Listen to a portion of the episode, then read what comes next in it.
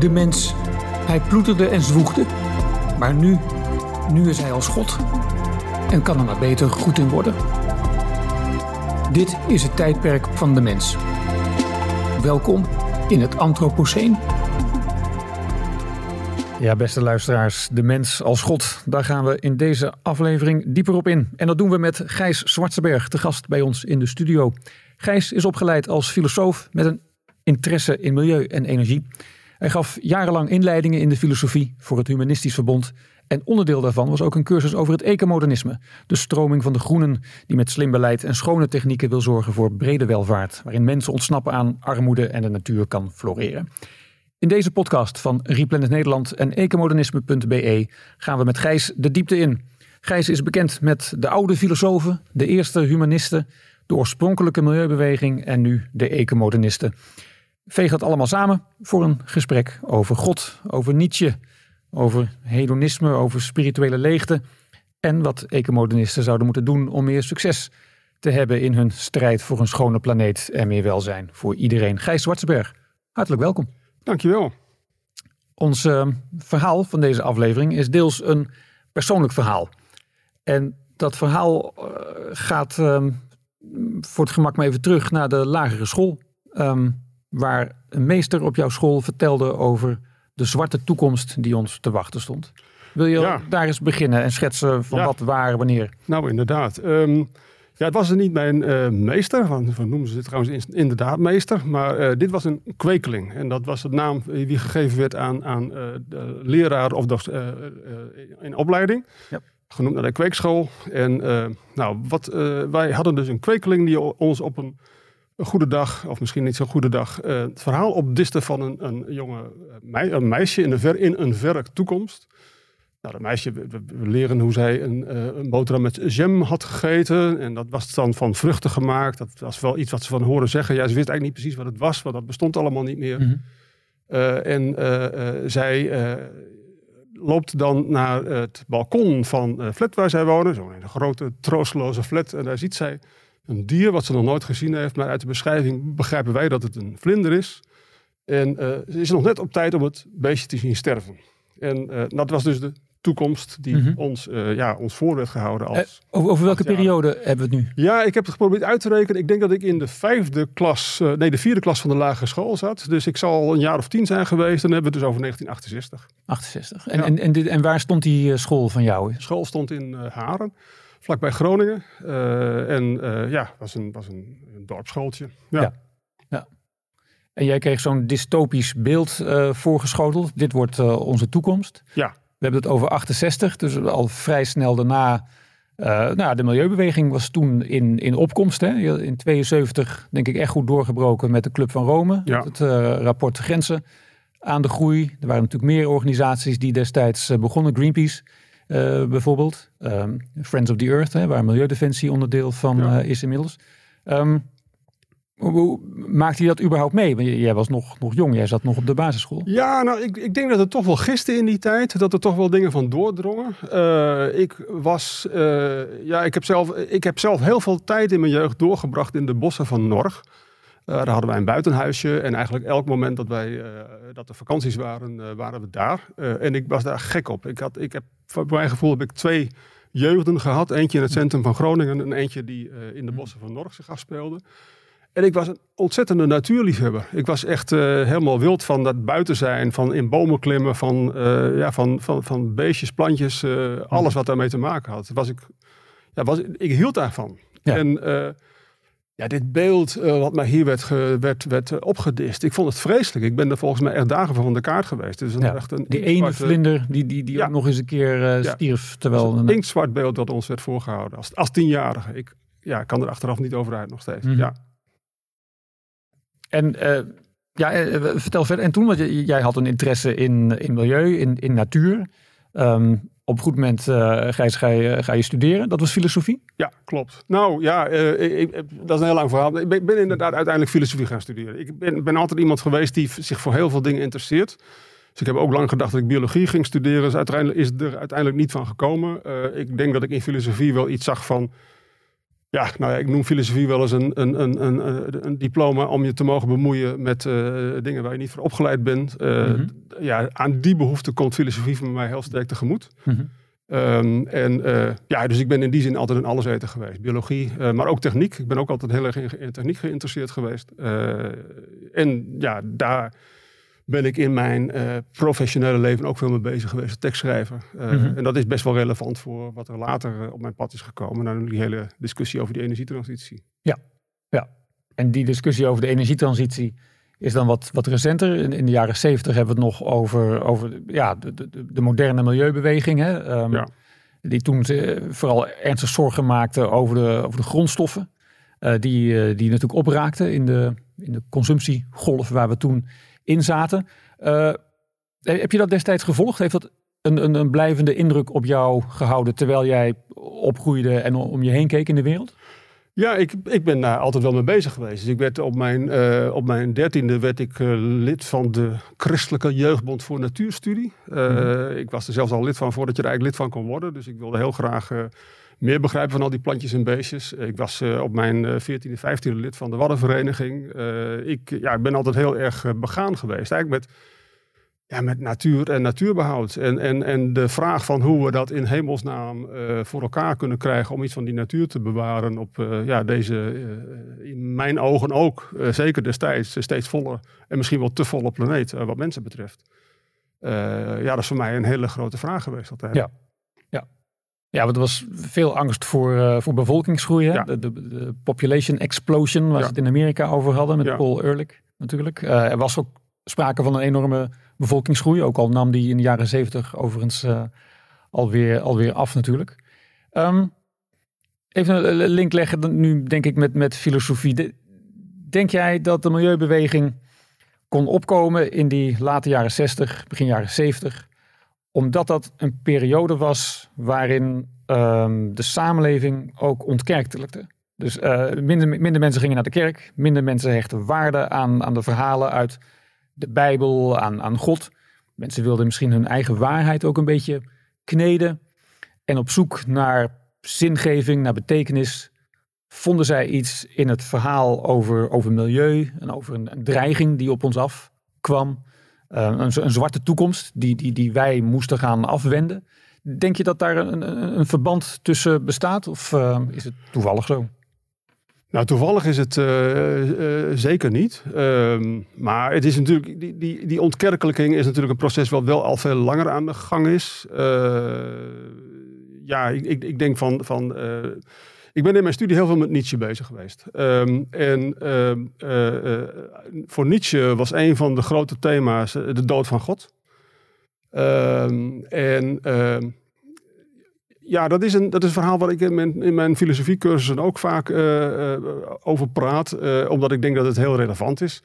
misschien eigenlijk een stukje stapje terug doen. Ik, ik, wat, ik, ja, wat ik denk dat het belangrijk is in filosofie, is om ja, naar bepaalde basisteksten te kijken. Hè. Dus ik grijp altijd naar bepaalde basisteksten terug. Nietzsche is er eentje van. Mm Maar in mijn filosofiecursussen heb ik het ook heel graag over Plato. En waarom is het relevant? Dan zal ik snel opkomen. Nietzsche heeft een van zijn, een van zijn grote thema's is, is, is zijn strijd tegen wat hij het Platonisme noemt. En hij heeft wel een van zijn beroemde uitspraken is dat het christendom Platonisme voor het volk is. Nou, in mijn filosofiecursus heb ik alle tijd om uit te leggen wat hij daar precies mee bedoelt. Maar waar het eigenlijk op neerkomt, is dat ehm, religie, zoals wij die kennen, christendom ook, wij kennen natuurlijk vooral het christendom, is eigenlijk het geven van een redelijk omschreven antwoord op alle grote onzekerheden waar wij als mens mee te maken hebben. En um, ja, in de, uh, nou ja, goed, wat Nietzsche zegt is dat eigenlijk dat Plato dat als eerste deed. Uh, dus, dus, dus in mijn filosofiecursus ga ik heel erg kijken met mijn, met mijn, met mijn cursisten naar wat Plato daar precies over te mhm. melden heeft. Um, en maak nou even die sprong naar, dat, naar die dood van God, hè, dat mm christendom. Hè, dus dat, dat, dat, dat is heel belangrijk, de, de passage waarin hij die thematiek introduceert een hele beroemde passage uit een boek wat De Vrolijke Wetenschap heet. Ehm, Zo vrolijk is het niet eigenlijk. Mm. nou ja, aan de andere kant misschien ook wel. Maar goed, die passage die gaat over een, een, een, een dwaas op de markt. En die op, op klaarlichte dag met een lantaarn op de markt, markt staat te roepen dat, ja, dat, dat God zoek is. En ehm, hij maakt er een hele toestand van. Ehm, en uiteindelijk zegt hij, ja, het is niet alleen maar dat hij zoek is, maar wij hebben hem gedood. En ehm, uh, wat hij, nou, dat, daar zit een heleboel aan vast, maar eigenlijk is, ik, ik heb vanochtend die passage nog eens even herlezen. Het is eigenlijk een schitterende passage. Het is maar mm anderhalve pagina, dus het is een geweldig mooi, ja, indringend stuk uit, heel beeldend. Eén zin die trof mij erin, uh, toen ik het vanochtend herlas. Hè, dat, mm dat uh, moet je dingen twintig keer herlezen, dan ontdek je er steeds weer nieuwe dingen in. een van de dingen die Nietzsche daar zegt, of die hij zijn uh, dwaas op de markt laat zeggen, is dat de problemen die we daarmee gecreëerd hebben misschien wel te groot voor ons zijn. En dat we daarom niet willen weten dat God dood is. Um, dat is een, dat idee van dat wij geconfronteerd worden met een thema wat te groot voor ons is, dat zie ik als een rode draad in deze, in deze hele discussie. Mm -hmm. uh, en in die zin zie ik ook een ja, soort van doorgaande lijn misschien wel in. Uh, ja, kijk, ik heb mijn misschien flauw, eh, persoonlijke theorie over het ontstaan van grote godsdiensten. Mhm. En die komt er eigenlijk op neer dat, uh, ja, op enig moment zal de mens hè, ontdekt hebben dat hij toch op bepaalde manieren verschilt van uh, zijn uh, mededieren. Hè, dus, namelijk dat hij zich bewust is en kan redeneren over zijn omgeving. Dat hij op een bepaalde manier dus losstaat van die omgeving, losstaat van die dieren. Mm en uh, ik denk dat dat die eerste realisatie is van dat je voor een probleem geplaatst wordt dat groter is dan jezelf. Want dit is iets wat, ja, wat je bijna niet kunt bevatten. Mm -hmm. Ik denk dat dat een schok is geweest, die eerste realisatie daarvan. Ja, en dan en, wordt de, de, de hulp aangeroepen van God waarschijnlijk. Om voor een deel in ieder geval te voorzien in de behoefte aan een ja, antwoord. Ik denk dat, ik denk dat het, het, het creëren van een God daar een, uh, eigenlijk een, een, een ja, een fantastische uh, redmiddel voor is. Mm -hmm. Dus, dus de, er is dan eh, opeens een instantie buiten jouzelf. Ja, die de ordening bepaalt, die de grote orde der dingen bepaalt. Uh, dan ben jij er niet meer volledig verantwoordelijk voor. jij moet je wel proberen te voegen naar die grote orde. Ja. Maar de, uiteindelijk is, die, ja, is, het, is het niet in jouw handen. Ja, oké. Okay. En, en, dus toen God werd doodverklaard door Nietzsche. Um, veel mensen denken volgens mij dat, dat hij dat met trots zei, alsof, alsof het een, een soort prestatie was. God is dood, hoera. Maar eh, hij voegde daaraan toe uh, en dat is een, een probleem. Ja, klopt. Dat is heel, heel, inderdaad een heel erg belangrijk punt. Uh, en, en ja, dat, dat is iets wat ik nou ja, onder andere ook tegenkwam wel vaak bij die cursussen die ik bij het Humanistisch Verbond gaf. je komt daar mensen tegen die ja, zelfverklaard atheïst zijn. En daar eigenlijk iets triomfantalistisch, als mhm. dat een woord is, bij hebben. Uh, van, van dat het eigenlijk fantastisch is dat we, die, dat we die godsdienst van ons afgeschud hebben. Terwijl dat is absoluut niet de toon waarin Nietzsche dit, uh, deze passage naar voren laat komen. Voor Nietzsche is het juist, is het eigenlijk een, ja, het is eigenlijk vreselijk. Het is een enorm probleem dat we van God af zijn. Uh, ja, ja zo'n groot probleem dat het de mensen te boven gaat. Zoals de, de, de, de man op de, op de markt het ja, uh. Ja. En, en wat, is dan het, wat is dan het probleem? En wat werd het probleem? Nou ja, als je die rest van die passage leest, dan uh, noemt hij eigenlijk de, de dwaas op de markt noemt allerlei voorbeelden van. We weten dan op een gegeven moment niet meer wat boven en onder is. We weten niet meer wat de zon is en wat aarde is. Uh, de, de hele basis voor de ordening die, uh, die lijkt opeens volstrekt willekeurig te zijn. Dus dus ja, daar komen we dat thema van het nihilisme ook tegen, denk ik. Dus dat op een moment maak ik even een sprongetje naar uh, beroemde quote van, van Dostoevsky uh, uit, uit, uit, de gebroeders Karamazov. Ehm, die eigenlijk op een hele indringende manier in één zinnetje de consequentie van die dood van God schetsen. Namelijk als er geen God is, dan is alles geoorloofd. En dat is een van de grote, ja, een van de grote thema's eigenlijk die Nietzsche introduceert. Of, of die, die met dat met die dood van God geïntroduceerd wordt, is dat wat voor ankers hebben we dan? Mhm. Wat voor uh, redenen hebben we dan nog? Wat voor argumenten hebben we dan nog om goed van kwaad te onderscheiden? dus niet alleen boven en onder, maar ook goed van kwaad. En ja, als, als, als, als het zo zou zijn, zoals in Dostoevsky staat, van als God dood is, dat alles geoorloofd is. Ja, dan hebben we ook al daarom een enorm probleem. Mhm. Maar goed, is het zo, Nietzsche schreef dit volgens mij, wat was het in de jaren 30 of zoiets? Misschien iets eerder? Dit is een vroeg boekje inderdaad, dat klopt. Hij is later wel uitgebreid op teruggekomen. Dit zijn eigenlijk vrij vroege teksten van hem. Ja. Klopt. Maar goed, dan, dan, dan hebben we God dus doodverklaard. We moeten het doen zonder God. Uh, we zijn zoekend naar, um, naar houvast, naar, naar ordening. Die hadden we misschien ooit wel met, met, um, met de techniek, die zeg maar de, tegen 1900 was, was opgekomen. Waardoor we niet meer zo overgeleverd waren aan, uh, aan het lot. Hè. De vooruitgang schepte eigenlijk ordening in alles wat, wat voorheen uh, chaos was. Um, in de jaren 50, na de Tweede Wereldoorlog, werd met name het Westen, maar ook Japan, werd, werd enorm welvarend. De welvaart verspreidde zich over de, vrijwel de hele samenleving. Opeens had je een auto voor de deur en er was een koelkast voor, voor, je, voor je eten.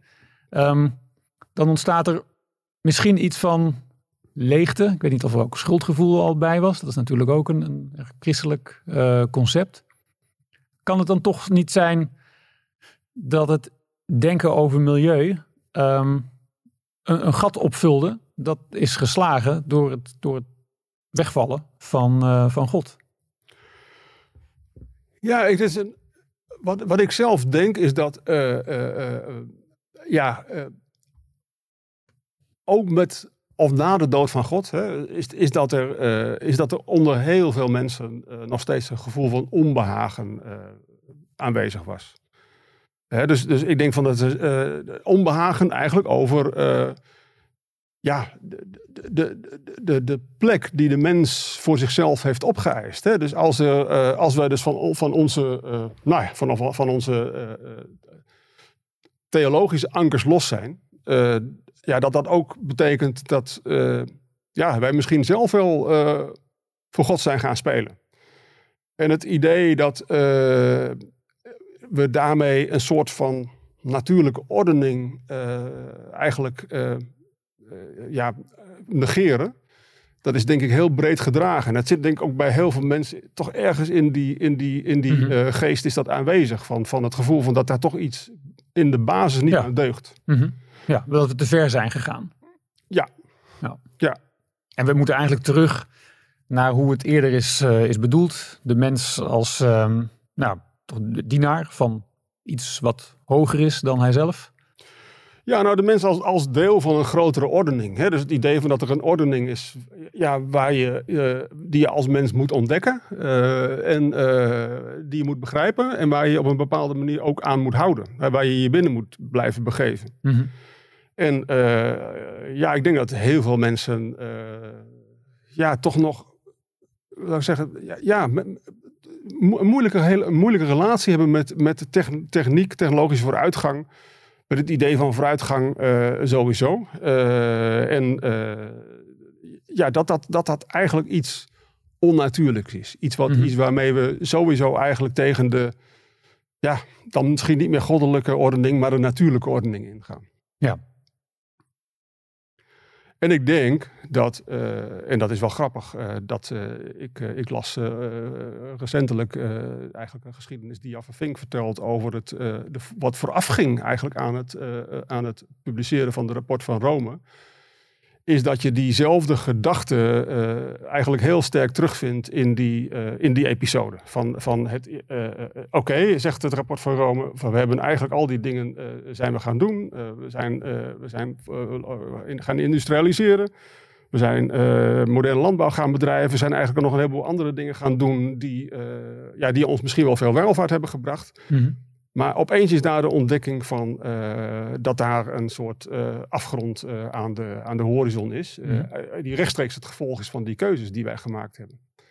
En ook daar zie je weer eigenlijk die gedachte van dat wij ja, misschien wel tegen die natuurlijke orde gezondigd hebben. Dat niet de woorden die daar gebruikt worden, maar het, het, het, hele, ja, het hele verhaal past eigenlijk heel goed in die, in ja. die termen. Nou, het zou best kunnen zijn toch dat mensen vroeger... Um zich heel erg verbonden voelde met de natuur en daar geen onderscheid in maakte, dus mens en natuur.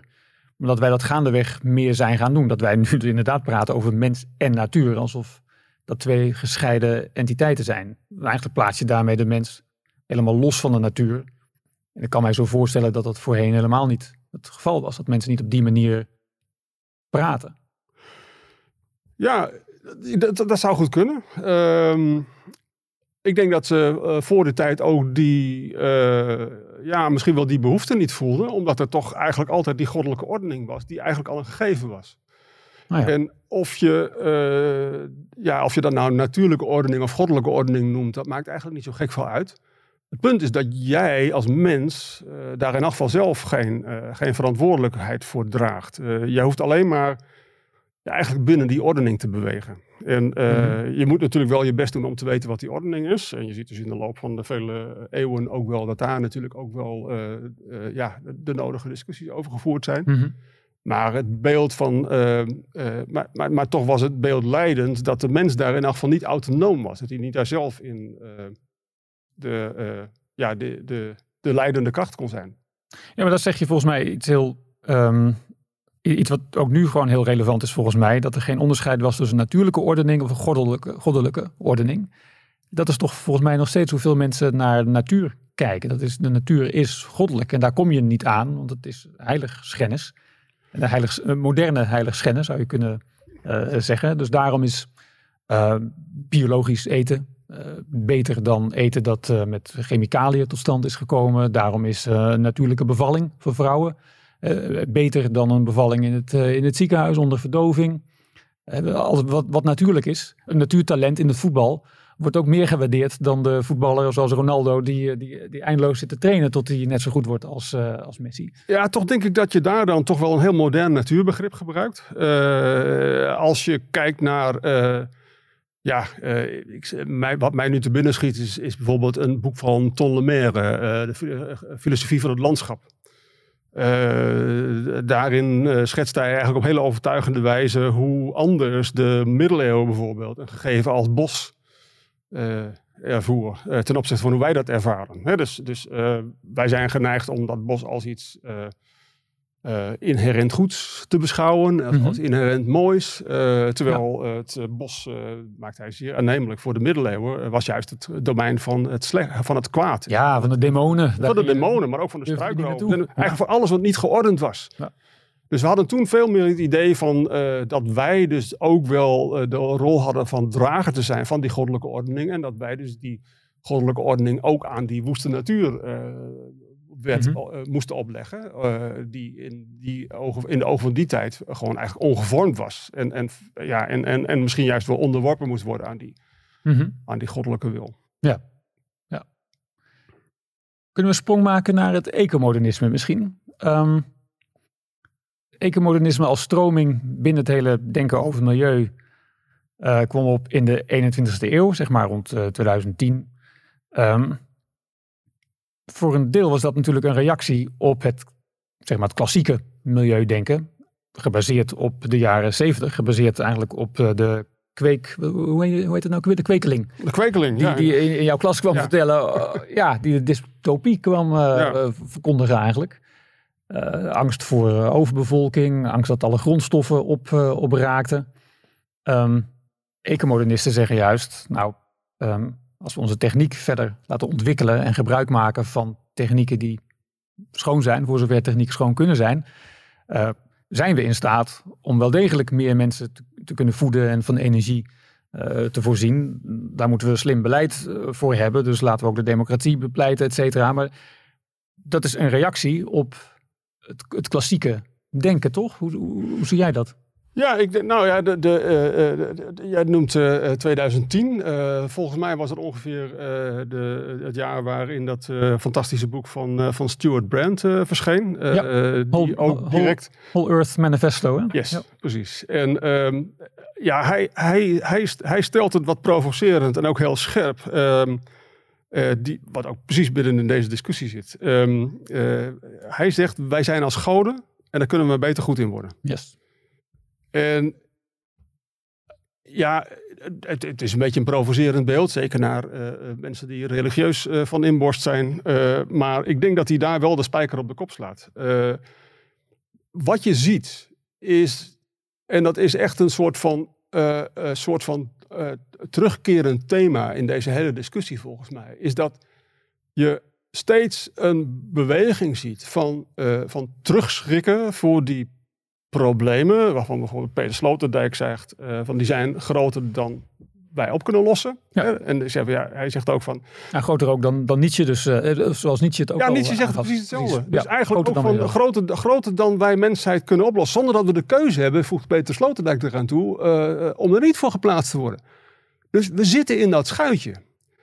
En dan kun je eigenlijk twee dingen doen. Je kunt zeggen van, oké, dan, uh, dan, uh, dan, dan gooi ik de handdoek in de ring. en ik hoop dat er iets van een natuurlijke ordening bestaat, of een goddelijke ordening bestaat. En ik probeer mij daar weer naar te voegen. Ik zou dat eigenlijk de angstige optie willen noemen.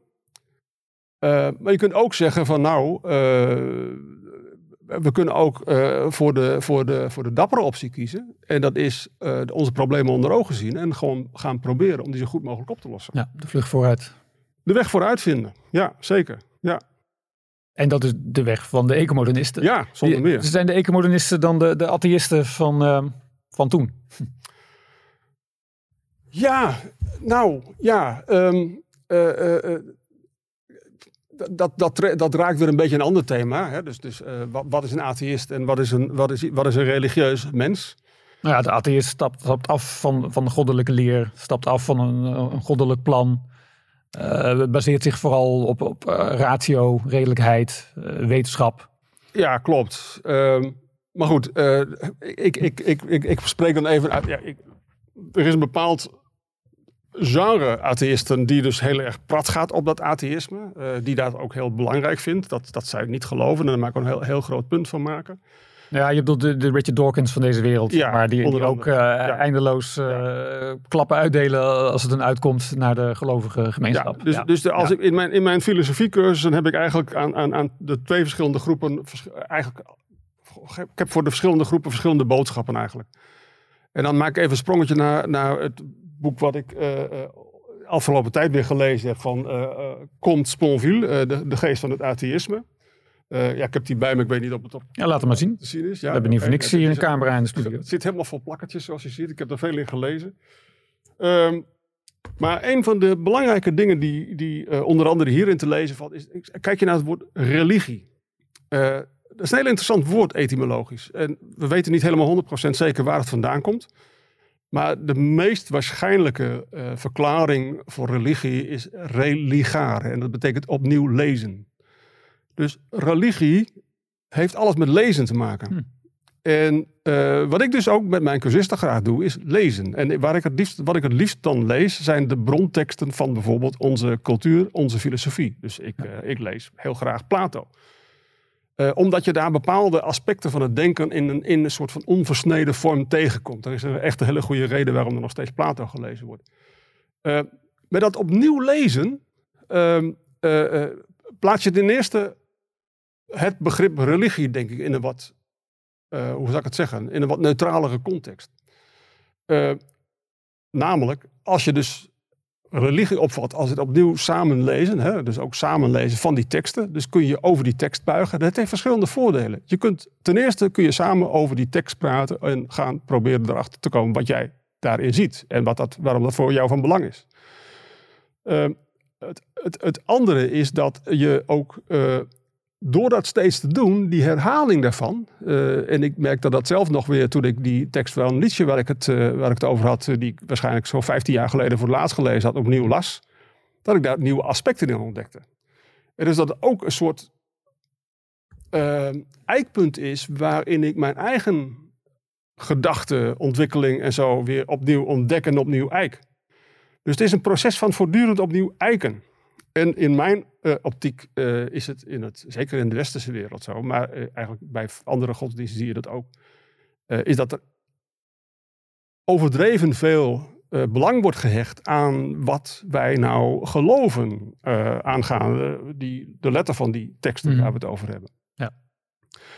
En op het moment dat, je, dat jouw gelovigheid en jouw geloofstellingen, dat je, het daar, dat je je daarop gaat richten, nou dan kun je elkaar over het algemeen vrij snel de hersens inslaan. Want dan gaat de ene dit zeggen, en de ander gaat dat zeggen. Terwijl in mijn ogen het daar dus helemaal niet om gaat. Uh, Nee, niet om de letterlijke betekenis, maar dat weten wij in het Nee, Westen maar ook niet om de, om de kern van wat je gelooft eigenlijk. Dus, dus, dus, dus, eh, eh, maar goed, dat, ver te voer, dat voert te ver om hier, hier nu diep op in te gaan. Maar ik geloof zelf dat ook als je rationalist bent, waar ik mijzelf toe reken, eh, ja, dat, dat de, de basisaannames van waaruit je leeft, dat dat toch voor een heel groot deel aannemen is. Dus eigenlijk een soort van geloven. Dus met andere woorden, het verschil tussen iemand die zichzelf als religieus benoemt en die zichzelf als atheïst benoemt, is in mijn ogen helemaal niet zo groot.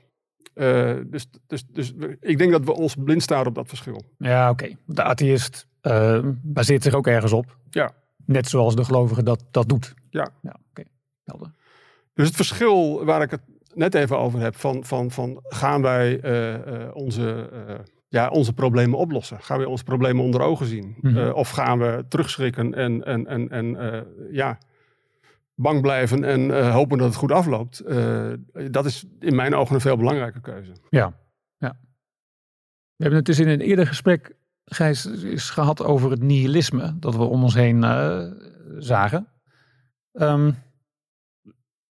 is het opportun om, om daar eens wat meer op, op in te gaan? Waar, zie je dat dan om je heen en, waar komt dat vandaan? Eh, En hoe herken je dat in het debat dat we nu voeren over milieu en, en klimaat?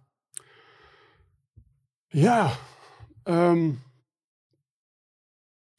ja, ik denk dat het een, een, een, een, een, belangrijk thema is. In de zin van eh, ja, de manier waarop Nietzsche dat introduceert in elk geval. Het idee van, eh, nou ja, dat, dat God dood is. En dat, wij, dat dat betekent dat wij ons op een, ja, een andere manier in elk geval tot die wereld moeten gaan verhouden. Eh, dat, dat, is, eh, dat is wat hij. eh, nou ja, zijn denken over nihilisme, maar een hele ontwikkeling naar. Maar dit is eigenlijk een belangrijk beginpunt. hè? Dus, dus, dus eigenlijk het geplaatst worden voor een wereld zonder God. Hè? Dus dat, dat is het Ja. begin van het nihilisme. Dat Dat er Ja. dus. Ja, met, met de moderne variant, ehm, als we God als natuur zien, de natuur, de natuur is dood. En dat is een probleem. Dat zou de moderne Nietzsche misschien zeggen. Ja, de natuur is dood. Dat klinkt wel heel erg aan- onaangenaam. Ehm, Dit is zoals de kwekeling eh, dat in de jaren zestig tegen jou Oké, ja, ja, ja. Nou ja,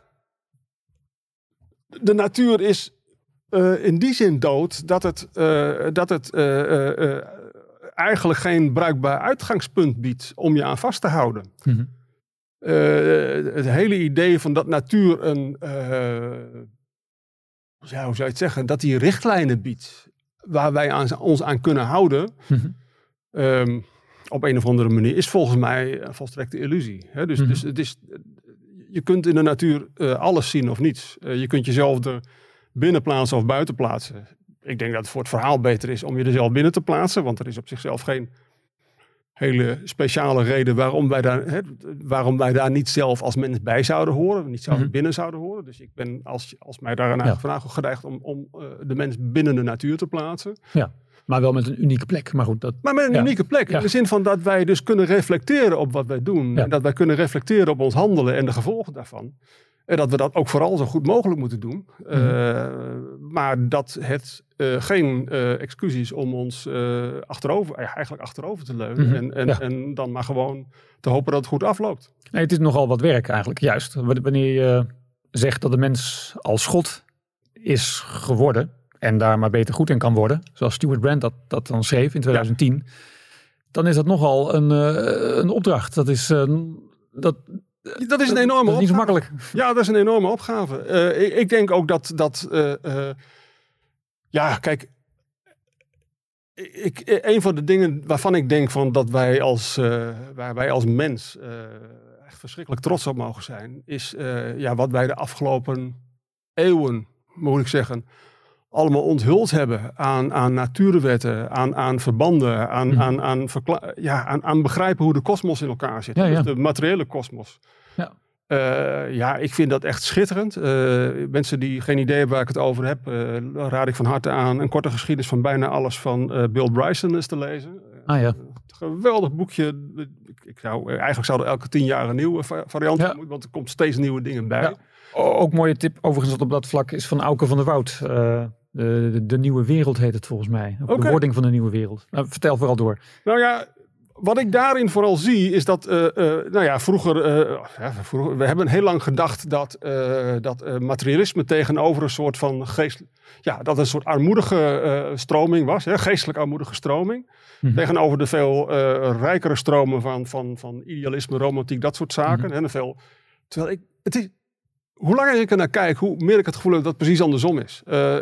dus de, de, ja, het het materialisme in de vorm van uh, moderne wetenschap. En eigenlijk alle takken daarvan uh, hebben, ons een, uh, ja, hebben ons een wereld onthuld. In het groot, de sterrenstelsels, in het klein, DNA, de moleculaire mechanismen die in onze celletjes actief zijn.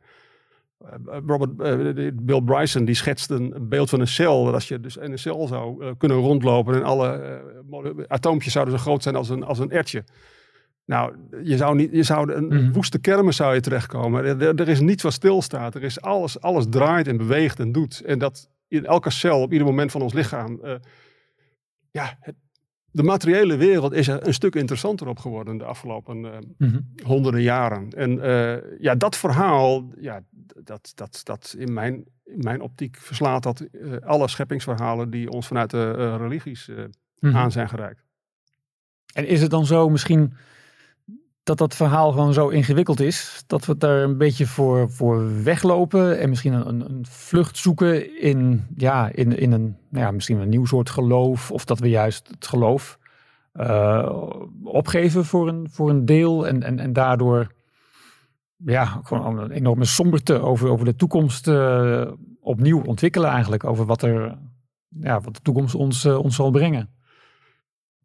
Nou, ik denk heel, wel dat wij uh, uh, op dit moment als cultuur enorm aan uh, somberte ons over aan het geven zijn. En dat dat eigenlijk ontzettend jammer is. Mm -hmm. ik, ik, denk dat het heel belangrijk is om de moed weer bij elkaar te rapen. En, en, en ja, ik ben ook altijd fan geweest van Star Trek geweest. Hè? Van To Boldly Go mm. Where No One Has Gone Before. Dat is waar mhm. wij staan. Hè? Dus daar hoef je niet voor naar...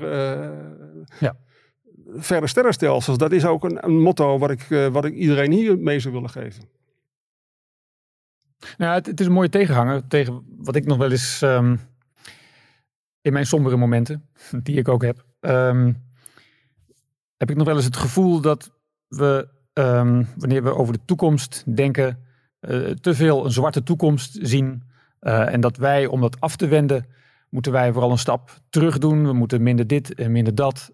En aan het einde van het verhaal is er eigenlijk niks. Het is niet een heel erg hoopvol verhaal vanuit wat zeg maar, het klassieke groene denken wordt uh, gebracht. Waar veel treurigheid in zit en weinig hoop op iets wat, wat nieuw is, wat ons echt een stap verder uh, brengt. Ik vind dat wel in het, in het ecomodernisme. Dat is misschien ook wel een soort religieus verlangen naar een, een, een mooi verhaal van waar we naartoe zouden kunnen gaan als, uh, als mensheid. Misschien is dat ook wel waardoor het ecomodernisme bij sommige mensen aanspreekt. En trouwens bij, een hoop andere mensen natuurlijk nog helemaal niet. Um, om, om, ja, omdat we op zoek zijn nog naar. Omdat we een, een gebrek hebben eigenlijk aan een, aan een verhaal dat, uh, dat hoop geeft. Zeg ik, zeg, zeg ik het te, te zwaar? Nee, ik denk dat, dat je een heel goed punt hebt. Um, en, en misschien is het wel een goed moment om dan uh, eigenlijk het verhaal weer op te pakken van uh, uh, ja, die uh, kwekelingen die me dat inktzwarte toekomstbeeld schetsten in de jaren zestig. Mm kijk, dat verhaal heeft ontzettend lang aan mij gehangen. Ik heb, ik, ik, ik, ik, ik, er was een soort zwaarte die ik eigenlijk al decennia lang ja, gewoon in mij voelde. eigenlijk een soort, ja, weet je wel, en waarbij, waarbij dan toch ook wel die bevolkingsgroei een heel belangrijke rol speelde. Ik denk dat ik ook dat uit die tijd heb meegenomen, toch iets van die Paul Eerlich uh, meegekregen heb. Mhm. Ehm, en als je nou hebt over uh, waar heb ik dat verhaal achter mij kunnen laten, dat is eigenlijk toen ik een van de, uh, een van de analyses van Hans Rosling zag. Waarin hij eigenlijk in hele heldere termen liet zien wat het enorme effect was van als, als, als, als mensen, arme mensen. Maar met name vrouwen en meisjes, meisjes en vrouwen. Mhm. Bestaanszekerheid krijgen. Dus dat je weet als moeder dat je kinderen het gaan overleven. Mhm, dat, dat, je ziet dan, op dat moment zie je dus echt die geboortecijfers omlaag donderen. Echt, van, echt van vijf, zes gemiddeld kinderen per vrouw naar Ja. minder dan twee kinderen per vrouw. Ja, jij dat noemt, is, eh, dat, daar ontleen ik de hoop aan. Hè? Ja. Dus, dus het eigenlijk pas op dat moment heb ik dat verhaal van die Club van Rome definitief achter me kunnen laten. Je noemt uh, Hans Rosling, uh, de Zweedse ja, statisticus is Ja. hij volgens mij. En ook dokter trouwens, die prachtige TED-talks heeft, uh, heeft gegeven. Ik denk dat je daarna verwijst bij hele mooie statistieken die, hij, uh, die hij laat zien. Ah, oké. dus dat- dat was voor jou een, een inzicht. Wanneer er meer um, ja, welvaart, welzijn ontstaat. Meer uh, zekerheid van een toekomst, van een bestaanszekerheid eigenlijk. Dan is er minder behoefte uh, om, om een enorm groot gezin uh, Ja. te, te, te creëren. Die jou later zal onderhouden wanneer, je, wanneer je zelf oud bent. Ja, dus, dus, dus eigenlijk als je het heel kort samenvat, wat zouden we moeten doen om, om de planeet vooruit te helpen? Dan is het eh, zorgen voor opleidingen van vrouwen en meisjes overal ter wereld. Ja. En eh, doe er ook maar direct een pensioen bij.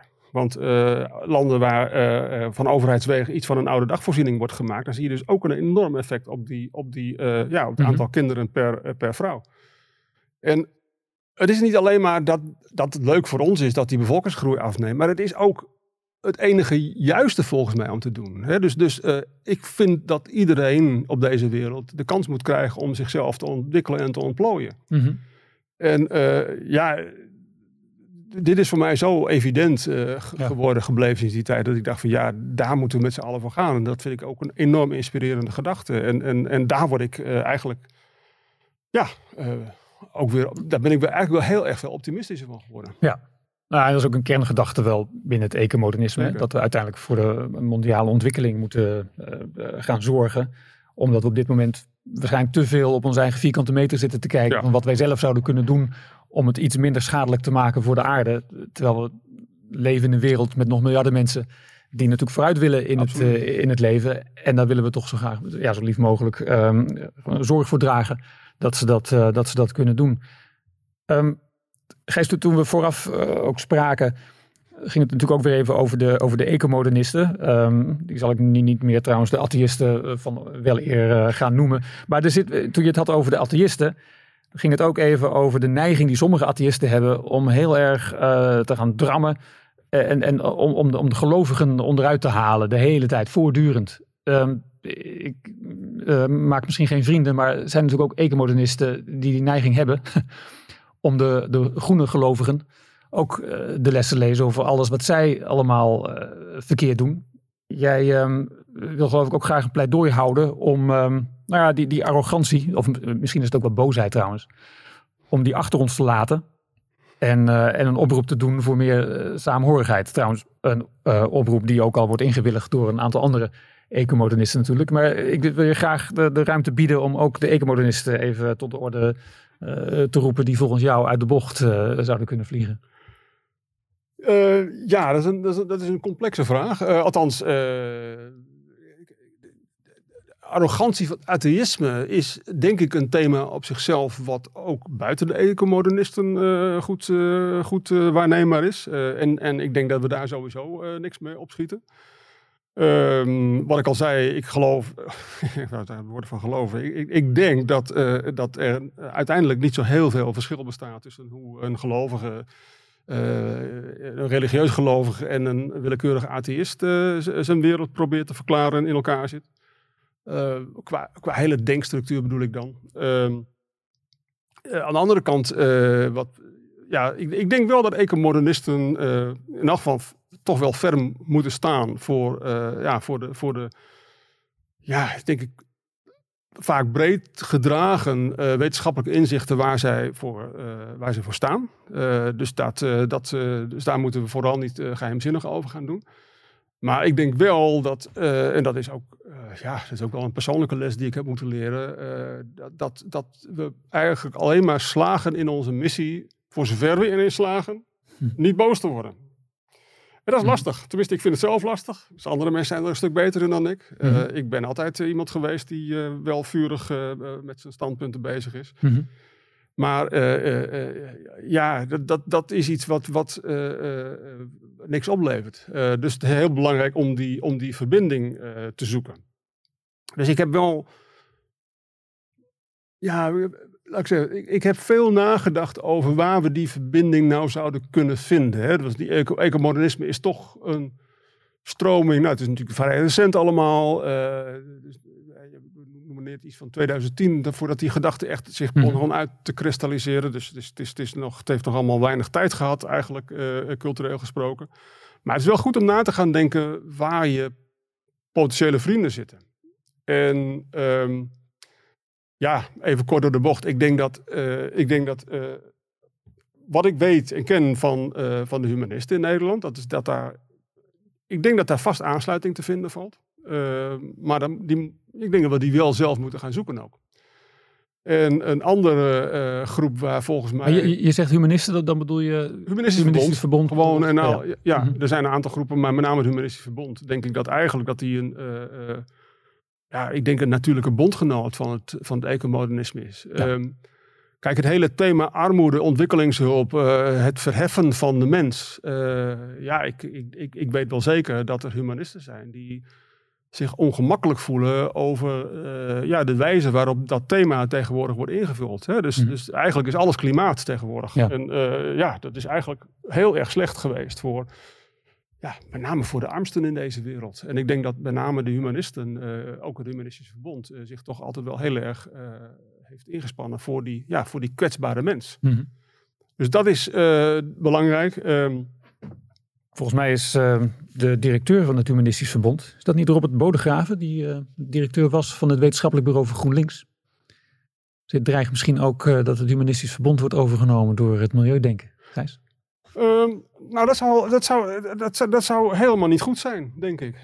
Ik, ik denk van, kijk, even terug naar die, die schok van het rapport van Club van Rome. ja, ik, ik kan me voorstellen dat de impact daarvan enorm is geweest. Dat die nog steeds nadendert.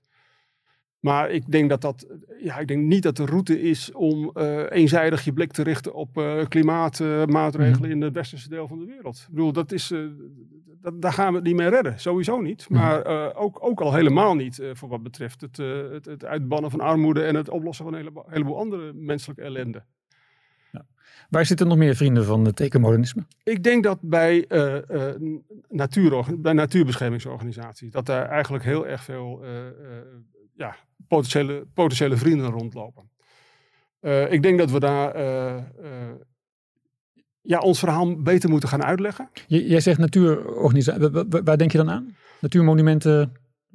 Dat kan natuurmonumenten zijn, dat kan de Waddenvereniging zijn, dat, kan, dat kunnen een heleboel landschapsorganisaties zijn. Maar Gijs, je zegt niet milieuorganisaties, dan denken we aan Greenpeace en Milieudefensie. Um, nou, ik, ja. ik, ik, vraag je nou, er is een, um, dat, je had eerder een uh, schrijfsel van uh, Jaffe Vink aangehaald. Ja. Een hoofdstuk in het boek meer over uh, de Club van Rome. Jaffe Vink heeft ook een boek geschreven, Wie is er bang voor de vooruitgang? En hij schrijft heel mooi hoe dat woord milieu um, een hele andere betekenis heeft gekregen. Vroeger, als je milieu zei, dan uit welk milieu kom jij? Hè? okay. Mensen waren natuurbeschermers. Dus het ging vaak om een, om een rivier in de buurt of een bos vlakbij. En gaandeweg waarschijnlijk een omslag vanaf de jaren 60, 70. Om verklaarbare redenen gingen we wereldser denken. En ging het om biodiversiteit en het klimaat. Dus dingen die veel groter waren dan de natuur die we, die we dichtbij hadden. Dus de oude natuurbeschermers zijn een beetje verdwenen. En, en wat daarvoor in de plek kwam, was het milieu een, een mondiaal bewustzijn, zou je kunnen zeggen. En, dus ik zie ook nog wel verschil. Wanneer jij zegt natuurorganisaties, denk ik ook inderdaad aan de organisaties die heel praktisch met natuur en met vogels uh, bezig zijn om die te beschermen op een bepaalde plek. En de milieuorganisaties zijn voor mij de organisaties die in veel abstractere termen uh, zijn gaan denken. Is dat het onderscheid dat jij ook... Ja, klopt. Een heel goed punt. Uh, goed om daarbij even bij te memoreren dat ja, wat jij dus nu aanduidt als milieuorganisaties, dat die in de jaren negentig eigenlijk een vrijwel uitgespeelde rol leken te hebben. Hè? Dus dat was helemaal eigenlijk verdwenen. En, en waarom? Omdat ja, eigenlijk milieubeleid in de zin van aanpakken van vervuiling, van waterkwaliteit, dat was allemaal eigenlijk in, ja, in, in, in de overheidsbeleid terechtgekomen. Hè? Dus heel veel van de vroege milieubewegers die zijn bij het ministerie van Vrom gaan werken en wat alle, alle aanverwanten. En die hebben er eigenlijk voor gezorgd dat een heleboel van die zaken gewoon werden aangepakt. Hm. En met veel succes. Uh, dus eigenlijk in de jaren negentig, ik ben wel een paar hele grote stappen, maar ja, was het een beetje die rol uitgespeeld. Ja, ja. Mm -hmm.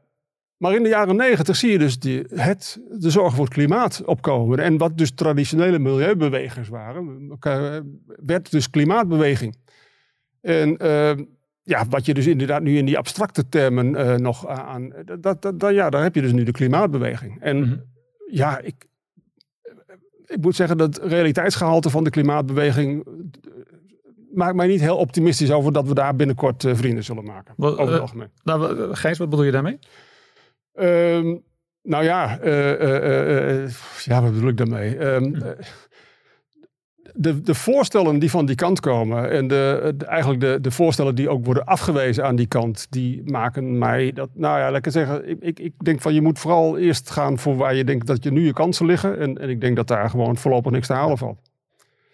Um, en dat vind ik heel jammer. Uh, maar ik denk dat uh, bij, uh, ja, bij, bij heel veel wat ik aan de klimaatbeweging zie, dat ik daar. Nou, ik noem één voorbeeld van. van ik, ik gaf een, een tijdje terug les aan de VU. En mijn studenten, we hadden het over, eigenlijk over de klimaatmarsen toen die weer opkwamen in, mm -hmm. voor de eerst na de, na de corona. Je, je, ziet dan een uh, klimaatactivist uh, aan het woord van nee, we moeten morgen alle fossiele brandstoffen in de grond laten. Ik heb mijn studenten gevraagd van nou stel dat, iemand, stel dat we dat letterlijk zouden doen. Wat denk je wat de gevolgen zouden zijn? Nou, daar, is, daar had nog niemand ooit over nagedacht. Ja, ja. Uh, nou ja, het, is, het, is, niet zo moeilijk te schetsen. De helft van de wereldbevolking zal doodgaan. omdat er geen kunstmest bijvoorbeeld meer gemaakt zou kunnen worden. Mm -hmm. dus ja, ja, oké, goed. Eh, nee, je bent, bent helder. We hadden het ook over de, wie zijn de vrienden van de ecomodernisme. En, en, en die vind jij nog niet in de, in de milieu-klimaatorganisaties, maar wel bij de natuurverenigingen. Ja. En, en, en, en, waarom is dat? Ja, voor mij is het duidelijk, maar... Um, dat is omdat uh, ik denk dat, uh, dat de ecomodernisten uh, qua plannen, en dat, dat kun je zowel regionaal zien, althans in ons deel van de wereld, als ook wereldwijd, ja, dat, wij, dat wij ecomodernisten, mag ik even zeggen, daar gewoon hele goede plannen voor hebben.